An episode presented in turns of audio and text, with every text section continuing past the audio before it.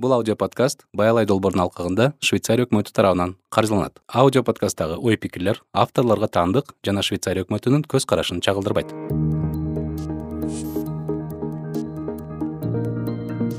Улут тили менен улут. Ошо менен биргеликте улут өзүнүн маданияты жана үрп адаты менен улут.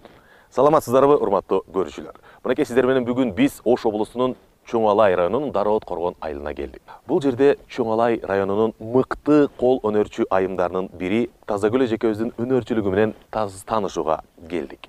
Анда эмесе урматтуу көрүүчүлөр биргеликте кол өнөрчүлүктүн сырларын билүүгө дагы баш багалы. Тазагүл эже дароо эле мына азыркы тапта пахтадан жип ийрип жатасыз э? Негизи ушул кол өнөрчүлүк эмнеден башталат? Үйрөнүүдөн тышкары мисалы үчүн кол өнөрчүлүк бирден баштайм дедиңиз эмне керек биринчиден жипти ооба жип керек ооба. Жипти биринчи ушул жиптен баштайбыз биз. Пахтаны биринчи ийрип алабыз. Пахтанын немелерин тазалайбыз. Биринчи ушундай кылып жипти. Көбүнчө свет барда тезирээк болобуз деп машинага ийрип. Машинка өзү ийрий берет машинкада тез болот. Азыр эми свет өчкөндөн кийин өчкөн мезгилде ушундай ийикке ийрийбиз бош отуруп калганда мантип эле жайлоодо жүргөндө бир кызык болом мантип эле али ийик калып калганда ошого үйрөнүп аттым жазында эми келиңдер жайлоо көчүргөн ушул жакта болдум. Буйрутмаларга ылайык ушул жиптерди даярдап атасызбы? Ооба түндө деле ушу жуугандан баштап силерге эме кылып урат өлдү ана көрдүңүзбү? Бракка чыгардым. Үзүлүп кетти үзүлгөндө улашса кандай кандай улаш керек мына үзүлгөндө мына андай ушундай көрүүчүлөр көрдүңүздөр өзү кабарлашабыз деп аттык эженин жумушунда бир аз бракка чыгарып атабыз бирок. Акырын акырын үйрөнөбүз да ушундан башталат бул сиздин башында эми үйрөнгөнүңүздө үй бүлөлүк киреше булагын айландырам деген оюңузда эле жок эле да? Баштагандабы ооба. Ооба. Башталганда ошентип эми биздин ишибиз ушул барыбир эми мындай эме салат аткан болдук биз болбосо өзүбүз таап куруп тилем куруп. Жиптерди канча метр канча метрден ушундай ийрийсиздер жиптердиби ооба. Бир ийригениңизде бир ийригенде биз машинага болсо чоң бир тоголок тоголок ийрип таштайбыз жарым кило жарым кило. Килограммдап килограммдап кетеби э? Тигилеби мен жаңыдай килем согуп жүргөнүм килем сектеп башташоодон кийин эме болду. Мына жибек чакырып калды сиз мурда ушундай иштейт элеңиз дегенде аябай сүйүнүп эле эме кылдым. Мен анан барып жакшы деп келген семинарларга катышып анан көп жерлерге бардык. Анан ошол өзүм аябай кээде отуруп сүйүнөм ии деп мен мына бармагым менен аябай көп эмелерге бардым деп өзүмө өзүм аябай сүйүнүп эме кубанам мына карасаңыз эми бул жиптер негизичи пахта. Азыркы тапта пахта канча тайлап тайлап пахта аласызбы бир алганда канча тай пахта аласыз бир алганда биздики бир килос эле о бул пахта жеңил отурат экен чоң болот ал ак пакеттерге жык болот мен көбүнчө эме кылдык. Ковер жасадык быйыл жазчы ушул жүндү биринчи ушул жууп тазалап алгандан кийин кадимкидей биз мындай сабуулайбыз бир күндө эле куруп бир күндө эле согуп ооба. Килемди жети метр эмени заказдар. Жети метрлик болот да. Эми жаздын күнү күн узун узундугу канча? Жети метр эндигичи эни жыйырма үч сантиметр. А мындай эле коридорго полас неме болуп калат экен да мындай дорожка сыяктуу дорожка сымал анан жай намазга мына ушул эме бизге аябай жакшы жакты оңой болду. Себеби мындай ичке ийрибейт экенбиз түктү жоон ийрийт экенбиз аябай убакытты сарптоодо алган материалдарыңыздын алганда ошондо баасы өзүн актап атабы?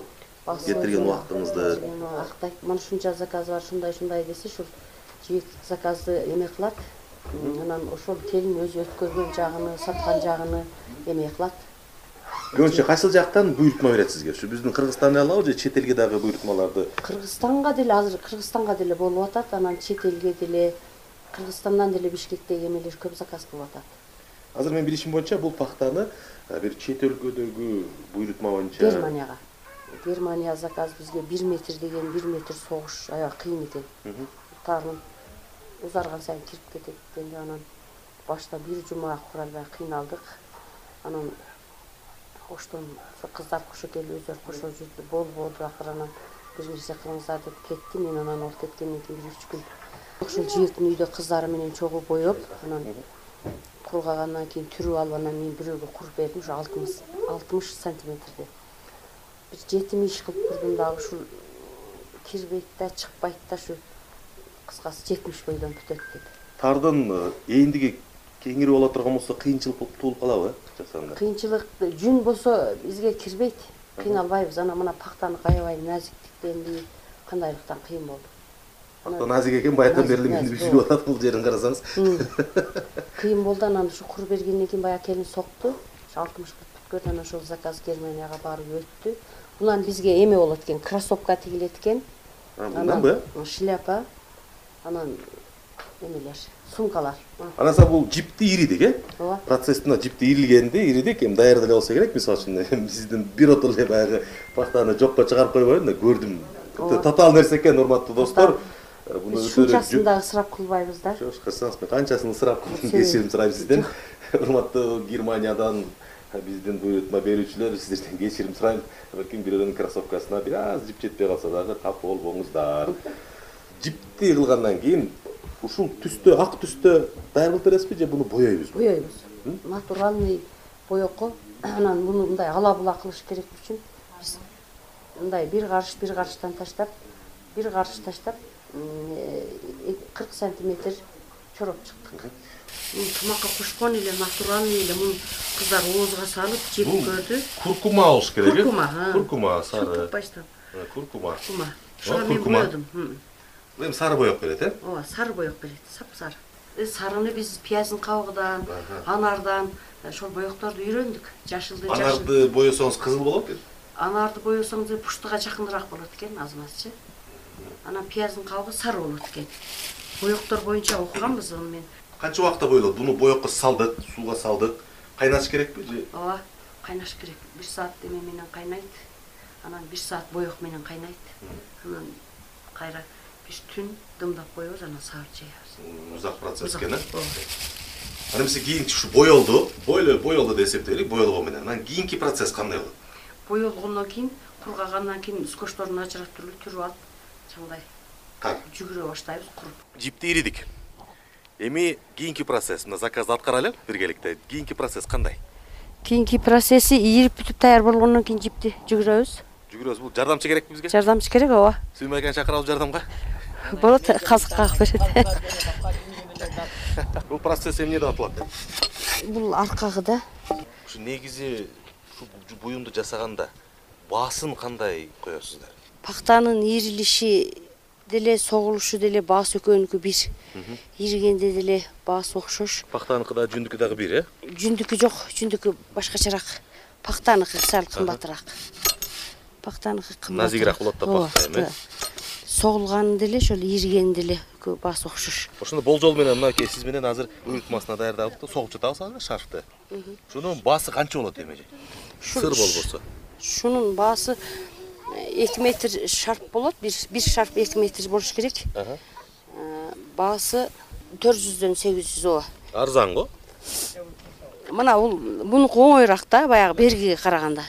Жалпы сиз бир жылда канча бир буйрутма аткарууга жетишесиз? Бир су- жаз ичи бизге көп. Мен мындай шарттан э, жети сегизди бүткөрдүм андан тышкары жип ийригенге э, эме болду. Жип ийридим андан тышкары ковер көп.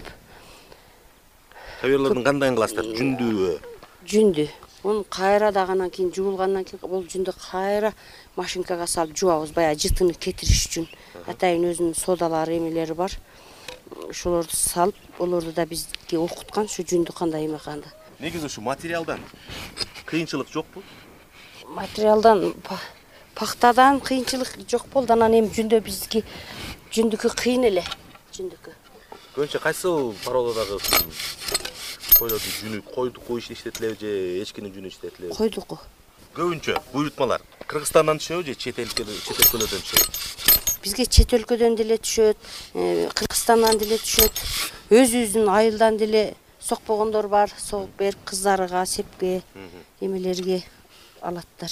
Кызымда кызыгуу бар кандай бир Бир өзү бир жасап бир аракет кылып көрдүбү өзү жасап эле мен ушу кур бердим өзү жасап эле анан быйыл пактаны деле ийрип көрдү немеге? Бийикке жакшы ушу мендей эле ийриди да. Кайра. Мынакей урматтуу туугандар урматтуу көрүүчүлөр ар бир жасалган буюм колдон чыккан өзгөчө уникалдуулукка ээ. Себеп дегенде бири бирине окшошпойт э? Ооба буну салдым бияктан дагы туруп киргизип коеюн э? Тетири кылдым окшойт. Ушу узунун калтырып коеюнбу же бир аз калтырайын жипти болду ушунча болот. Ушинтип эле деген фантазия. Математиканы да жакшы билиш керек экен да ооба баягы эсеп болот. жийип окшойт, э? алтымыш жийип ошондойлорго түшөт да.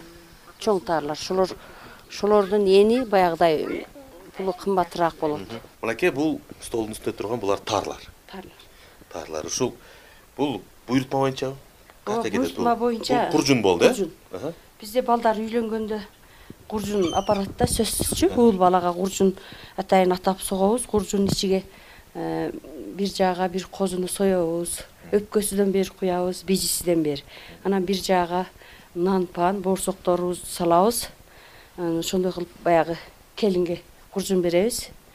Э, атайын эме муну ушуну куржунду өзүм ушу балама деп эме кылып койдум таардан анан бул бул сеп кыздарга сеп кыздарга сеп кыздарга сеп деген таар анан мына таар деле мен бул үйгө эле таар балдарым бирге берем деп кылып койгон таар бул биздин өлкөбүздө турган өзгөчө пушту түсүндө ооба. пушту кара түсүнө аралашкан бул сиздин сээңизде таар экен да себим ошо мен сексен беш бүтсөм сексен алтынчы ону мурда бүткөн да бул өзүм онунчу класстагы бүтүп соккон болсом ошондо сексен бешинчи жылкы таар да апам берген. Эмнеден жүн? Бул деле жүн бар жогу жүн натуральный ушул азыр мына ушул бөлмөдө салынып турган буюмдардын баардыгы сиздин колуңуздан колубуздан чыккан ооба ооба. Бул килем. Бул килем. Наркы дагы чоңалайга өзгөчөлүк болгон ушу чоңалайдын килеми Э, биринчи. калың болот да мындай билгенде бар калың калың калың мына килемди айрыкча мен аябай калың кы- эме кылганбыз. Биринчи ошол эмеден мурдагы боектор ошо жашыл сары кылып боей берет эдик. Ушул килем канекей токсон эки болсо ошол жылдары боелгон ошол жылдары бүткөн килем да. Мен өзүм себимден кийинки себим таарга окшош анага окшош сал бозорду өзүмдүкү. Бул анан кийин өзүм жасаганмын. Кайненем э, жардам берип ушу килем кылып ал десе кайненем бар жогун ирип ирип даяр кылды өзүм соктум жеке мен өзүм үчүн бир чечим чыгардым. Кол өнөрчүлүктөн жасалган буюмду баалай билели. Менетти баардыгын талап кылат экен. Ошол себептен менетти баалай билели бар бололу ден соолукту бололу